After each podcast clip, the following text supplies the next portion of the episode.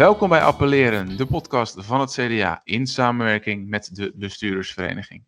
In deze podcast bespreken we actuele en minder actuele thema's aan de hand van het gedachtegoed en geven tips aan lokale bestuurders. Vandaag ben ik uw host. Mijn naam is Barend Tensen, werkzaam op het CDA-partijbureau en fractievoorzitter voor het CDA in Katwijk. Vandaag spreken we over de regionale energiestrategie. Gemeenten, waterschappen en provincies zijn aan zet om een strategie op te stellen. En daarvoor zijn er nu een aantal regio's opgesteld, uh, of gevormd eigenlijk, 30. Uh, en de bedoeling is dat aan deze regionale energiestrategieën, afgekort RES, dat zullen jullie nog veel horen, uh, binnen regio's samen wordt gewerkt door Rijksoverheid, maatschappelijke partners, netbeheerders, het bedrijfsleven en waar mogelijk ook inwoners. Dit alles om de CO2-uitstoot sterk te verminderen in 2030, zelfs met de helft ten opzichte van 1990. Uh, vandaag spreken we met Roelof Potters en hij is werkzaam voor Alliander, energiebedrijf. Roelof, van harte welkom bij deze podcast. Dankjewel, goedemorgen. Goedemorgen. Um, zou je allereerst wat meer over jezelf kunnen vertellen en over het werk dat je bij uh, Alliander doet? Ja, zeker. Ik ben uh, dus Roelof Potters, 53 jaar, uh, woon met vrouw en gezin in Harderwijk. ben ook, CDA-lid, ooit statenlid voor het CDA geweest, ook afdelingsvoorzitter. En tegenwoordig help ik CDA-afdelingen af en toe ook met vraagstukken rondom energie. En die kennis die heb ik opgedaan omdat ik jarenlang al in de energiesector werk. En momenteel mij bezighoud met innovaties rondom de hele energietransitie binnen het uh, energienetwerkbedrijf Alliander. Dankjewel. De, op internet valt te lezen dat je in het verleden, of in het recente verleden, 2018, bezig bent geweest met een Energy Transition to Realization. Nou, dat, dat heeft natuurlijk onze interesse. Zeker uh, gezien het thema wat we nu gaan behandelen. Kun je daar iets meer over vertellen? Ja, zeker. Um, uh, heel veel van het werk wat ik gedaan heb, trouwens nog steeds uh, doe, bevindt zich eigenlijk op dat snijvlak van, van alle ideeën en innovaties en, en plannen die er gemaakt worden om, om naar een schone, duurzame, betrouwbare energievoorziening te komen. en het uitvoeren daarvan. En misschien wel een van de ingewikkeldste dingen. We hebben mensen die heel goed kunnen uitvoeren, we hebben mensen die heel goed plannen kunnen maken. Maar hoe zorg je nou dat die, dat die brug geslagen wordt? Vaak kom je dan mankracht, kennis, geld uh, enzovoorts kom je tekort. Uh, ik, heb, ik heb jarenlang mee bezig gehouden met, uh, met eigenlijk de projectontwikkeling binnen de, de energiesector. Um, waarbij dus de ideeën om bijvoorbeeld in een, in een woonwijk een warmtenet te gaan aanleggen. Uh, uh, al heel lang bestonden, maar uh, hoe krijg je nou alle partijen bij elkaar? Hoe krijg je het geld erbij? Hoe krijg je de know-how erbij om dat voor elkaar te krijgen? En precies op die overgang heb ik heel veel werk gedaan.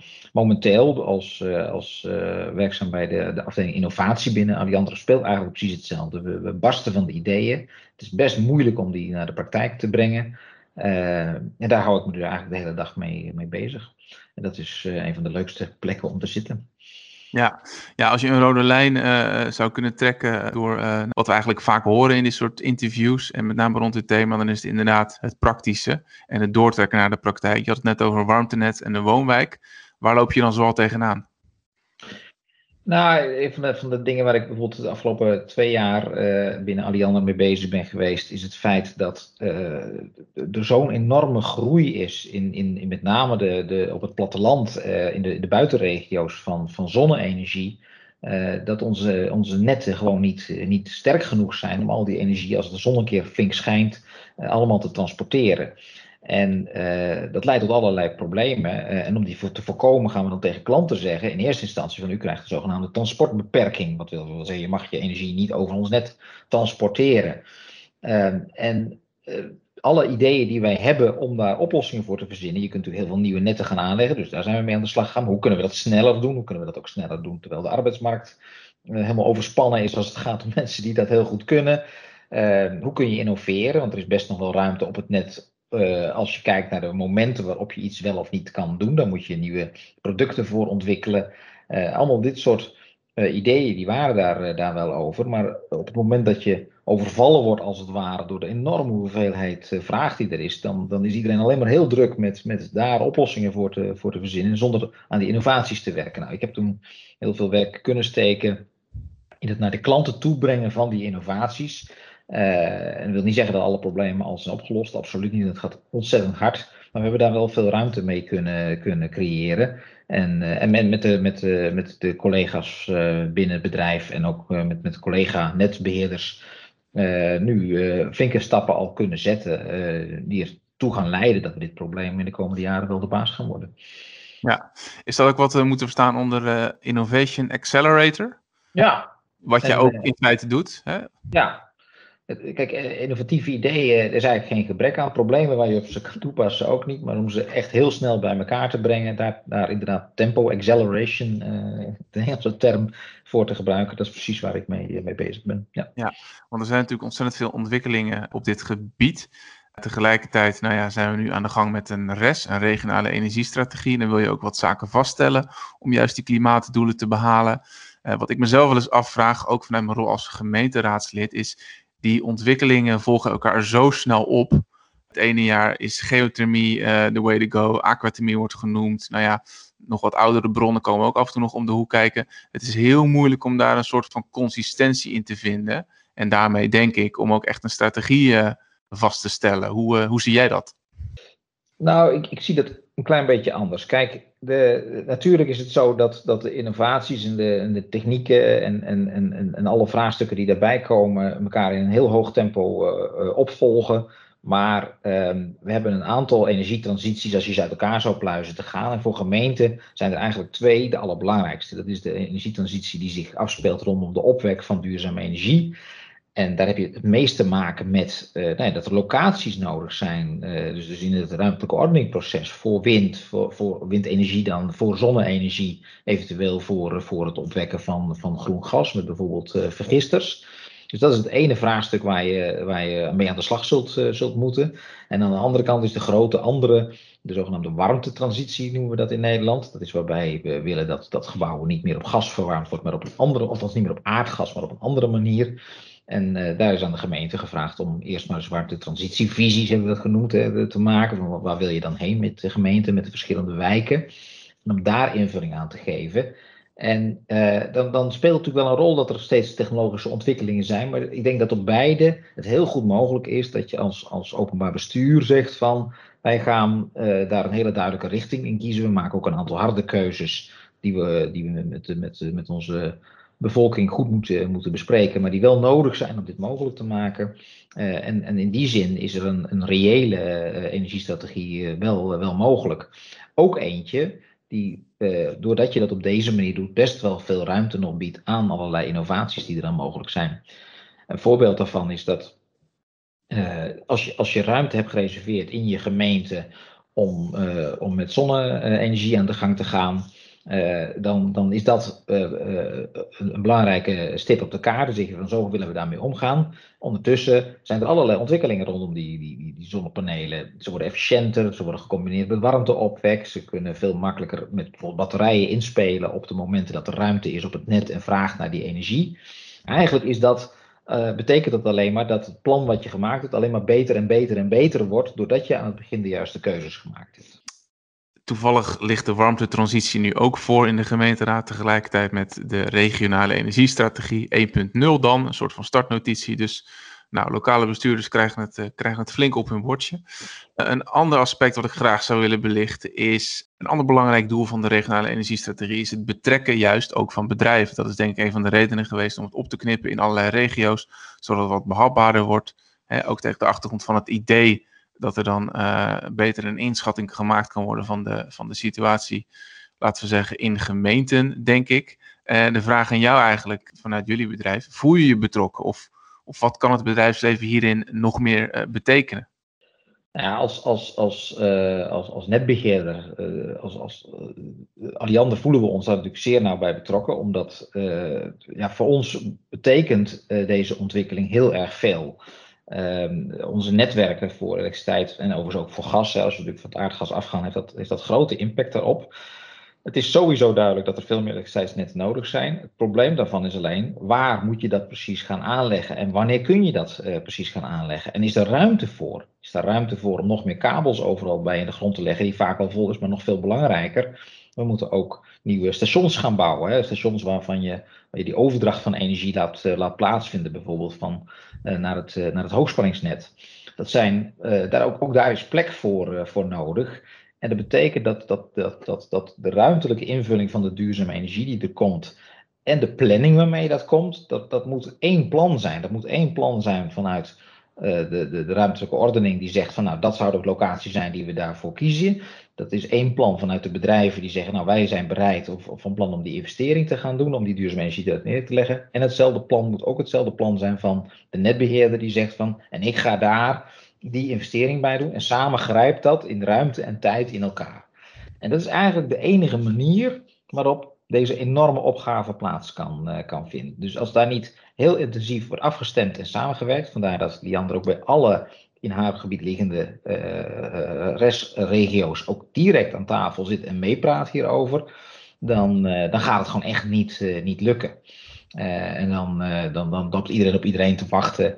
en en nou, dan, dan, dan, dan is het geen strategie, dan is het alleen maar een plannetje. Ja, ja, oké. Dus jullie voelen jullie in ieder geval vanuit jullie positie goed, goed daarbij betrokken. Uh, het idee is natuurlijk ook maatschappelijke partners, participatie, inwoners, dat daar een soort van kruisbestuiving ontstaat in al die stadia van de regionale energiestrategie.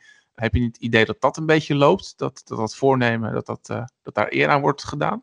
Nou, daar zien we een wat wisselend beeld in de, in de, in de regio's natuurlijk. Uh, de, de, de, veel, veel plannen zie je dat die aandacht trekken op het moment dat je concreet wordt.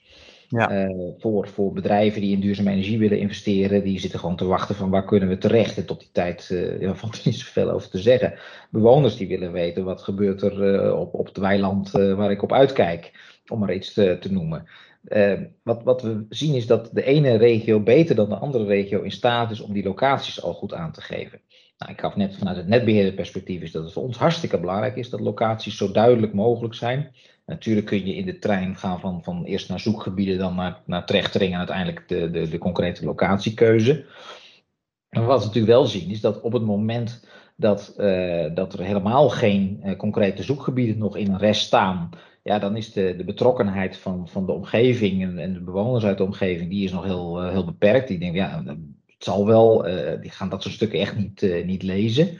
Zodra je een zoekgebied aanwijst, dan helemaal. Als je natuurlijk een concrete locatie aanwijst, dan komen de mensen wel, uh, wel naar voren. En dan, dan, dan zie je dat participatieproces op volop op gang komen. Om een goede rest te maken, is het gewoon van belang dat je zo snel mogelijk naar die concretisering gaat. En in dat proces van concretisering ook de, de maatschappelijke partners en de omgeving betrekt. Ja, dat, dat, daar raak je denk ik een heel erg wezenlijk punt. Die rol van de lokale bestuurders hierin. En jij kunt natuurlijk vanuit beide perspectieven, ook het, het politieke perspectief, kun je dat belichten. Wat mhm. zou je lokale bestuurders meegeven? Wat kan een raadslid bij wijze van spreken uh, morgen doen? Uh, in de zin van participatie bevorderen, mensen erbij betrekken, mensen meenemen, juist omdat het zo complex is. Ah, ik, ik, denk, ik denk eigenlijk heel praktisch. Um, kijk, heel veel discussies gaan over nut en noodzaak van, van deze energietransitie. En er zijn natuurlijk ook een aantal partijen, we zitten hier dan in CDA-verband waar dat, dat niet zo is, maar er zijn ook een aantal partijen die dat ook gewoon direct in twijfel trekken. Ja. Ik denk dat je moet heel duidelijk voor jezelf bepalen, ook als raadslid, uh, uh, lokaal zeggen van, uh, ik schaar mij achter een energietransitie in de zin dat wij hebben gewoon dit nodig uh, voor onze toekomstige generaties. Om het klimaat te beschermen, moeten we ons, onze bijdrage leveren. Laat daar nou eens geen twijfel over bestaan. Even, los van alle consequenties, maar dat, dat moet het, als, als dat het vertrekpunt is, dan kun je van daaruit zeggen: wacht even. Deze energietransitie krijgt grote impact op iedereen. Uh, we moeten anders ons huis gaan verwarmen, we moeten misschien anders gaan rijden. Uh, er gaat van alles gebeuren met, uh, met, uh, met energieprijzen. Maar als jij toevallig op een plek woont waarop je de, de kans krijgt dat je op een windmolen gaat uitkijken, of vlakbij een zonnepark komt te wonen, of, of misschien een biovergister, dan heb je daar direct mee te maken. Wij moeten zorgen vanuit het bestuur dat mensen snappen wat we aan het doen zijn, dat mensen het reële gevoel hebben uh, ja, dan zeg ik het ook misschien verkeerd, maar ook op een reële manier betrokken worden bij de, bij de besluitvorming. Maar vanuit dat perspectief dat hier een grote opgave ligt, dat we, uh, ja, om, om, de oude uh, reclame van de Belastingdienst te, te citeren, van leuker kunnen we het niet maken, wel makkelijker zou ik willen zeggen. Ja, ja. minder, minder noodzakelijk wordt het er niet van, maar we kunnen het wel op de nette uh, en verantwoorde manier met elkaar doen. Dus zorg dat in plaats van dat je de discussie voert over, over, over nut en noodzaak, je echt de discussie gaat voeren over het hoe en waar. En hoe betrekken we daar die omgeving op de beste manier bij. En dan blijkt ook heel vaak, ik zal niet zeggen dat het altijd lukt, maar dan blijkt ook heel vaak dat door juist goed te luisteren naar de, naar de omgeving, door bijvoorbeeld bewoners te laten participeren in de, in de projecten die er dan eh, gaan komen, meedoen in, in, in wind- en zonneparken met, met eigen uh, aandelen of iets dergelijks, of in een coöperatie, is, is hartstikke populair. Dat, uh, dat, dat maakt dan het hele pad voor iedereen veel makkelijker. Politiek gezien wordt het makkelijker, ehm, voor de investeerders wordt het, wordt het makkelijker en je gaat het veel sneller realiseren. Ja, nee, dat blijft natuurlijk een, een grote uitdaging. Uh, er worden nu al wat inventarisaties uh, gemaakt door, door planbureaus. En dan blijkt dat heel veel gemeenten of regio's in dit geval toch eerder kiezen voor zonnepanelen dan bijvoorbeeld windmolens. Nou, dat zou misschien iets te maken kunnen hebben met het stukje landschap, hè, waarvan inwoners toch ook zeggen dat is belangrijk. En dan, dan kom je toch al gauw op het not in my backyard principe terecht. Heb je daar een verklaring voor? Ja, er zit natuurlijk een hoog not in my backyard gehalte in. Um, kijk, de, de, de, uh, de situatie ontstaat af en toe echt wel dat, dat uh, mensen onverhoopt die uh, ontdekken dat, en dat hebben we natuurlijk in het verleden gewoon gezien, dat windmolens op het verkeerde moment een vervelende lichtval geven met slagschaduw. er blijken ook windmolens te zijn die bij bepaalde weersomstandigheden best wel een hoop uh, geluid maken. Uh, als jij een vrij uitzicht hebt op een prachtige polder, ik noem maar iets, en, en daar verschijnt een windpark, ja, dat is natuurlijk echt wel een ander aanzicht. En dat, dat, dat, dat vind je wel of niet mooi, en veel mensen vinden dat niet mooi. dat, dat is allemaal realiteit die er, die er speelt. Uh, wat we ook zien is dat als je kijkt hoeveel oplossingen voor deze vraagstuk. Ja, uiteindelijk kun je een windmolen gewoon, domweg omdat die zo groot is, niet uit het zicht halen. Maar wat voor oplossingen er allemaal mogelijk zijn. En hoe zorgvuldig je dit kan doen. Hoeveel er aan geluid te doen is. Hoe, hoeveel er ook aan hele specifieke momenten waarop het een probleem is te doen. Is dat, dat windmolens ook stilgezet kunnen worden. Ja, dan, dan is dat participatieproces kan een enorme verschil maken in, in het wel of niet uh, acceptabel maken van, van wat er moet gebeuren. Maar daarom is dat die eerste stap zo belangrijk die ik net schetste. Ja. Uh, besef je dat, dat uh, we zijn nu bezig notabene met de rest tot 2030. Dan, dan, dan hebben we de helft van het werk amper gedaan. Dan moet nog naar 2050 moet, moet de rest van de CO2-uitstoot eruit. Uh, mm besef je dat, dat je er niet aan ontkomt om grote stappen en grote maatregelen te nemen. En beter voer je daar nu het eerlijk gesprek over en ga je nu die ruimtelijke reserveringen maken en zorg je hè, dat is ook de bedoeling van de rest, uh, dat je ook alvast die doorkijk naar 2050 maakt. Dan zeg je, ja jongens, we gaan in een land leven dat op een hele andere manier zijn energie gaat voorzien. We pompen het niet meer uit de grond in Groningen. We laten niet meer de olietankers uit, uh, uit het Midden-Oosten hier naartoe varen. Wij gaan hier in Nederland grotendeels onze eigen energie opwekken. En dat heeft impact. Laten we nou met z'n allen aan werken dat die impact zo uh, ja, uh, uh, zo, zo acceptabel en, en, en fijn kan worden als die maar kan zijn. En daar ja. kun je als lokale politiek een grote rol in spelen. En, en dat is het punt vanuit mijn bedrijf, vanuit Ariander zeggen we, dan, dan maak je het proces ook veel voorspelbaarder, veel planbaarder. En dan weet je ook dat het op een goede manier tot stand kan komen. Dat iedere speler, waaronder ook de netbeheerder, op tijd zijn, uh, zijn activiteiten daar, uh, daarop kan afstemmen en, en, je niet constant tegen allerlei hindernissen en hoge kosten aanloopt. Ja, ik kan me ook voorstellen dat vanuit Alliander deze rol die je nu eigenlijk pakt, ook in de zin van mensen erbij betrekken, goed uitleggen, et cetera, ook wel veel voldoening geeft. Ja, ja, natuurlijk. Ja. en ook veel frustratie als het niet begrepen wordt of als, ja. als, als andere Kijk, we hebben ook best heel veel begrip voor bestuurders die zeggen, uh, we komen het ook in gemeenten tegen, die zeggen van kijk eens wat we allemaal al gedaan hebben. We hebben al meegewerkt aan een groot windpark, we hebben al een aantal grote zonneparken. Bij ons is het nou even klaar. En toch ligt die opgave nog steeds weer voor de deur. Ja, ja ik heb daar ook best, niemand binnen, binnen Alliander zegt dan van, van, van wat een onzin. Mhm. Tegelijkertijd uh, besef je dat we gewoon nog niet klaar zijn en dat er nog, nog weer meer moet gaan gebeuren. En natuurlijk zijn er gemeenten die nog heel weinig gedaan hebben en die dus echt nog wel wat in te halen hebben. Maar ook gemeenten die al veel gedaan hebben, zijn nog niet klaar. Die zijn nog niet klimaatneutraal. Die zijn nog niet op hun 2050 punt aangekomen. Dus we moeten nog wel even door met elkaar. Ja, nu zijn er een aantal uh, icoonprojecten in Nederland uh, aan de slag. Uh, dat, dat, zijn dan wijken waarop eigenlijk um, in organisatorische zin wordt gekeken wat wel en niet werkt. Want het is natuurlijk best nog een nieuw vraagstuk. Wordt wel eens gezegd, het is niet alleen een financieel, maar ook een organisatorisch vraagstuk, die hele energietransitie. Hoe kijk je naar dit soort icoonprojecten? Is dat, een, is dat een goede manier volgens jou, ook vanuit je expertise, om, laten we zeggen, ja, te leren en, en ervaringen op te doen?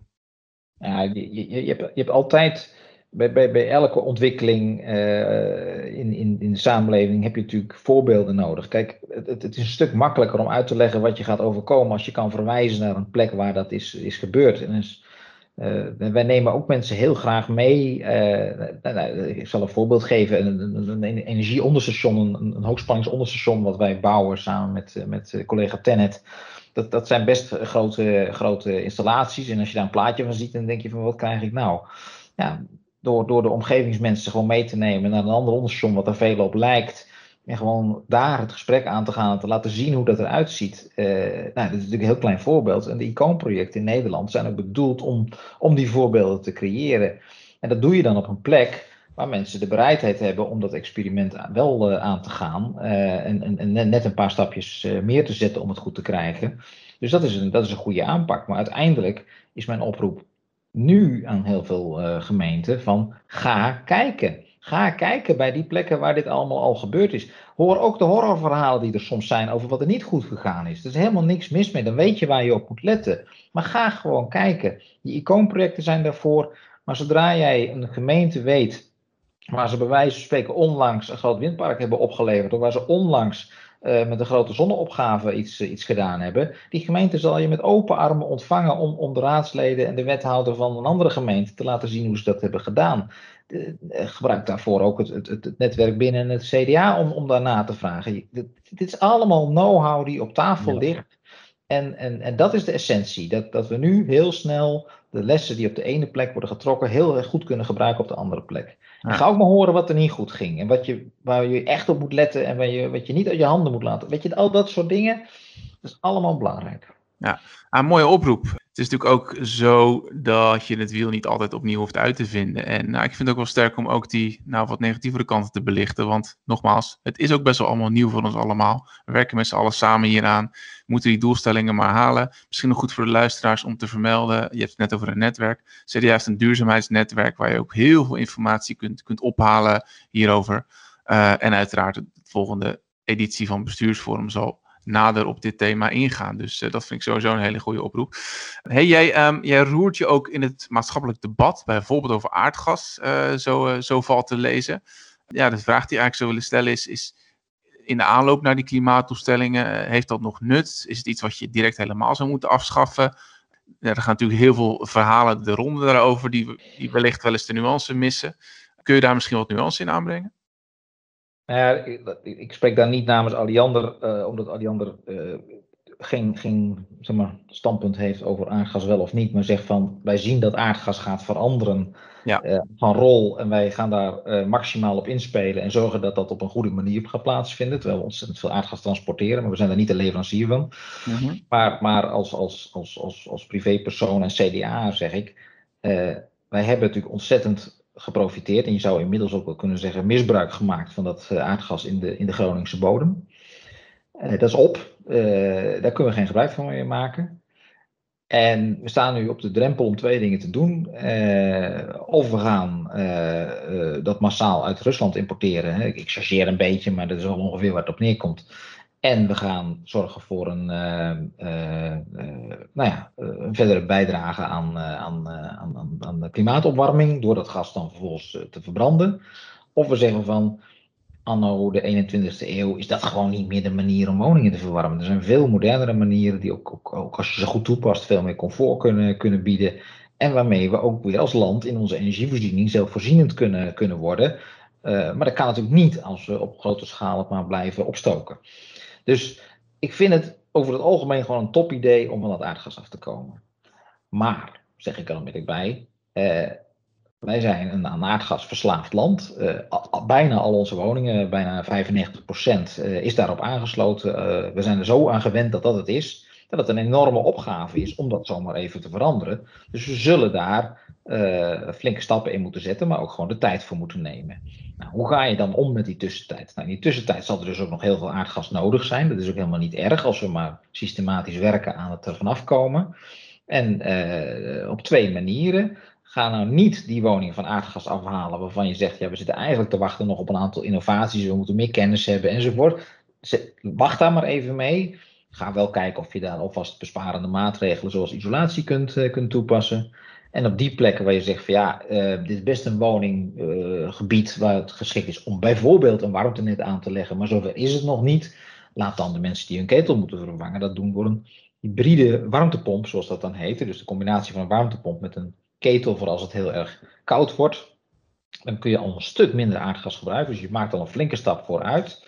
Uh, als je dat door een goede installateur doet, kan dat ook over die periode financieel uit. En dan heb je al een flinke stap gezet in afwachting van het uitrol van een beter plan om in jouw buurt of wijk helemaal van het aardgas af te gaan. Dus uh, het is een proces. We hebben daar wel even de tijd voor, maar die stappen die moeten nu wel, wel voorbereid gaan worden. Vandaar dat dus ook gemeenten nu met de warmtetransitievisie aan de slag moeten en zijn. Ja, dat komt dus binnenkort op ons bordje. Ja. Heldere oproep, denk ik.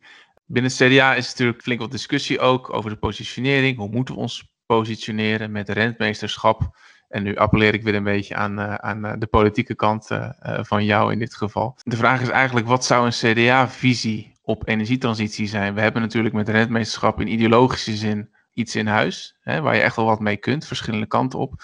Tegelijkertijd zorgt het ook binnen het CDA voor een discussie, en dat is natuurlijk ook goed, over hoe je moet po positioneren in dit debat. Nou ja, ik heb er net denk ik al even iets over gezegd. Zowel in, in mijn oproep naar de raadsleden als mijn visie op het aardgas. Um, je kunt heel erg lang je nog uh, gaan, gaan um, uh, bezighouden met de vraag van is het nou wel reëel dat we zo'n bijdrage kunnen leveren aan de klimaatverandering en gaat ons dat allemaal niet te veel geld kosten of, of überhaupt als je natuurlijk sommige mensen hoort van bestaat er wel zoiets als, als door de mensen veroorzaakte klimaatverandering. Ik denk dat we een verantwoordelijkheid hebben. Die heb ik net ook willen schetsen. Je kunt allerlei redenen bedenken en waarom het niet waar zou zijn of wel waar zou zijn, ik denk dat we als CDA moeten zeggen, we hebben een verantwoordelijkheid naar de toekomstige generaties. We hebben het aardgas in Groningen opgemaakt en we hebben gezien wat er van komt. Uh, ga in, in, in Rusland kijken, ik ben er overigens nooit geweest, maar ga in Rusland kijken hoe daar aardgas wordt opgepompt. Dat vernietigt daar omgevingen. Dus wat je ook doet, fossiele brandstoffen hebben altijd een negatief effect. Uh, of dat nou wel of niet op het klimaat zou zijn. Hè. Dus, dus, dus, dus, dus neem daar nou eens afscheid van. En zeg van dat is helemaal niet de manier waarop we de energievoorziening moeten inrichten. Wij moeten op een duurzame manier zelfvoorzienend worden. Dat is uiteindelijk voor, voor ons land beter. En nu moeten we op zoek gaan vanuit dat vertrekpunt. Neem dat vertrekpunt dus gewoon. En we moeten op zoek gaan naar een manier van hoe zorgen we ervoor dat dat draagvlak blijft uh, houden en krijgen onder uh, de bevolking, onder de, onder de burgers, die uh, op het moment dat ze ermee geconfronteerd worden, het gevoel hebben, de gemeente duwt het mij niet door de strot, maar de gemeente helpt mij bij dit proces. Ik denk dat dat ook een heel actueel thema is, zeker ook voor het CDA. Voel je dat de overheid aan jouw zijde staat, maar we hoeven niet aan de, aan de kant te gaan staan van, nou dan doen we het misschien maar niet. Dus zoek naar de route. Jongens, we gaan het sowieso doen. We gaan van het aardgas af. We gaan de, de elektriciteitsvoorziening gaan we verduurzamen. Ja, dat heeft impact. Ja, dat kan niet zonder enige vorm van verandering, overlast, uh, nieuwe dingen enzovoort. Maar wij als, als, als gemeente uh, staan aan jullie kant in de zin dat we gaan zorgen dat dit op een nette manier, dus dat je over goede informatie beschikt, dat we, dat we je er zoveel als mogelijk bij betrekken, dat we samen die plannen gaan maken, dat we er alles aan gaan doen. En daar heeft ook de Rijksoverheid natuurlijk een rol in, om te zorgen dat het allemaal gewoon betaalbaar blijft, dat je gewoon in een warm huis kan blijven wonen. Maar we gaan die route in en we gaan dat op een nette manier met elkaar doen. Ik denk dat dat een echt CDA-verhaal is. Dankjewel, uh, Roelof. Ik denk dat dit echt wel voldoende handvaten geeft voor uh, nou, lokale bestuurders om die energietransitie, maar ook uh, de warmtevisie, toch wat comfortabeler en wat, met wat meer vertrouwen tegemoet te, te treden. Ja, en dan is aan mij de eer om te proberen om de conclusies te formuleren op basis van dit boeiende gesprek. En de allereerste is denk ik dat mensen eigenlijk pas gaan participeren wanneer ze direct betrokken raken bijvoorbeeld bij een windmolen in de achtertuin. En daarom is het superbelangrijk om de RES, de regionale energiestrategie, te concretiseren en het vatbaar te maken voor, voor stakeholders. als raadslid is het belangrijk om te blijven uitleggen, juist die nut en noodzaak van de energietransitie. Het moet gebeuren. Iedereen krijgt ermee te maken en dus moeten we die transitie op een verantwoordelijke manier uitvoeren. Ontkomen niet aan de maatregelen in de aanloop naar 2050 met een tussenstopje in 2030. Uh, gaan we onze eigen energie opwekken.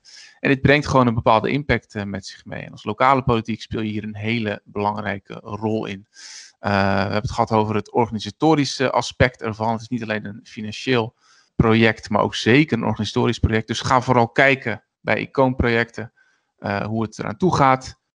trek daar lering uit. Gebruik het CDA-netwerk. gebruik de lessen van de ene gemeente. En breng ze in de praktijk in de andere gemeenten.